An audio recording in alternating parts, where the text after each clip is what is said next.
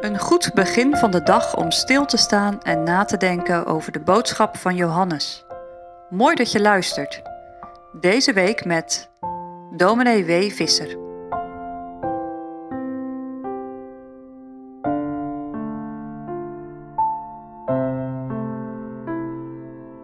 Hallo, fijn dat je luistert.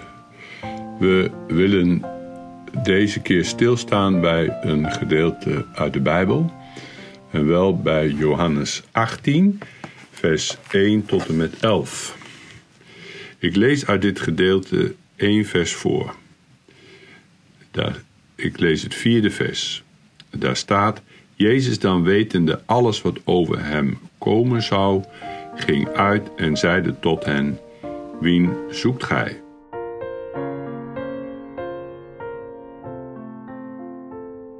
Dit gedeelte brengt ons in Gethsemane. Het brengt ons ook bij het moment dat de Heer Jezus gevangen wordt genomen. En dan zien we in dit gedeelte natuurlijk de enorme schare mensen, soldaten en tempelwachters die hem gevangen nemen. En dat zij achterover vallen. We lezen dat in dit gedeelte. Verder valt natuurlijk het gedrag op van Judas, het gedrag van Petrus en het gedrag van de Heer Jezus. Laat ik beginnen bij het gedrag van Judas. Judas was een discipel van de Heer, heeft ook de wonderen van de Heer gezien, heeft ook zijn woorden gehoord, heeft ook zelf gepreekt en heeft ook wonderen gedaan. Want Judas viel helemaal niet op in de zin dat hij lelijke dingen deed. Integendeel. Alleen op het laatste vermeldt ons de Bijbel dat hij de beurs droeg en een dief was.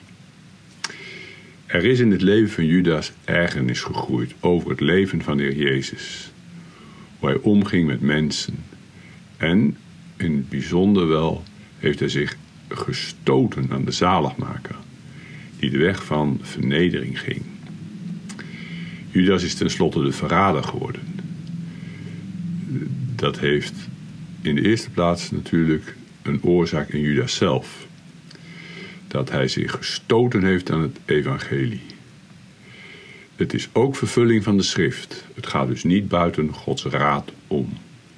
En Judas staat als een aangrijpend teken in de Bijbel van de menselijke schuld en waartoe een mens in staat is, los van Gods genade. In de tweede plaats valt het gedrag op van Petrus. We lezen daarover in vers 10 en 11.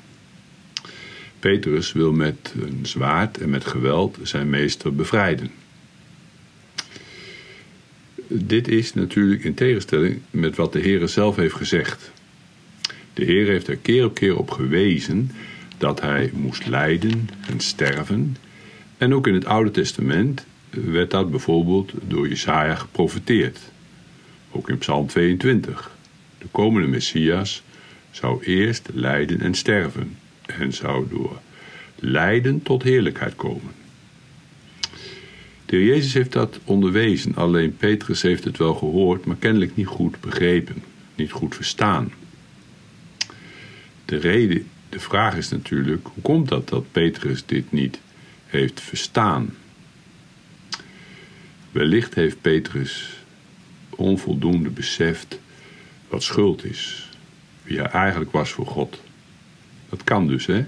Dat we onvoldoende beseffen wie we nou eigenlijk zijn voor God. Schuldige mensen.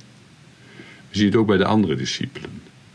En na de opstanding komt de Heer er dan ook bij Petrus nog eens op terug. Als hij driemaal de vraag stelt: Heb gij mij lief? Ten slotte zien we ook het gedrag van de Heer Jezus. Hij gaat uit naar de Olijfberg. Hij laat zich gevangen nemen. Hij is volkomen gewillig en ook volkomen bekwaam om deze zware weg te gaan. In alles schittert zijn gewilligheid uit en ook zijn bekwaamheid om deze hele zware weg van lijden en sterven te gaan. Let er trouwens op dat Johannes eigenlijk min of meer aanvult bij de andere evangelisten. Johannes schreef zijn evangelie ook wat later, ongeveer 25 jaar na het schrijven van het evangelie van Matthäus, Marcus en Lucas.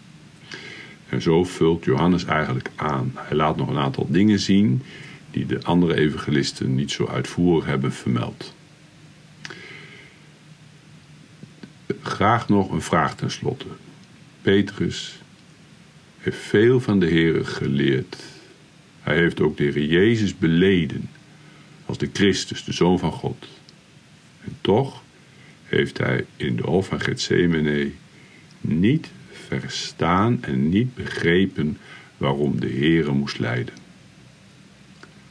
Zou dat vandaag nog kunnen? Dat wij niet begrijpen waarom de Heere deze weg van lijden en sterven moest gaan. En waarom zou dat kunnen? Vraag om over na te denken. Dank voor het luisteren en graag tot volgende keer.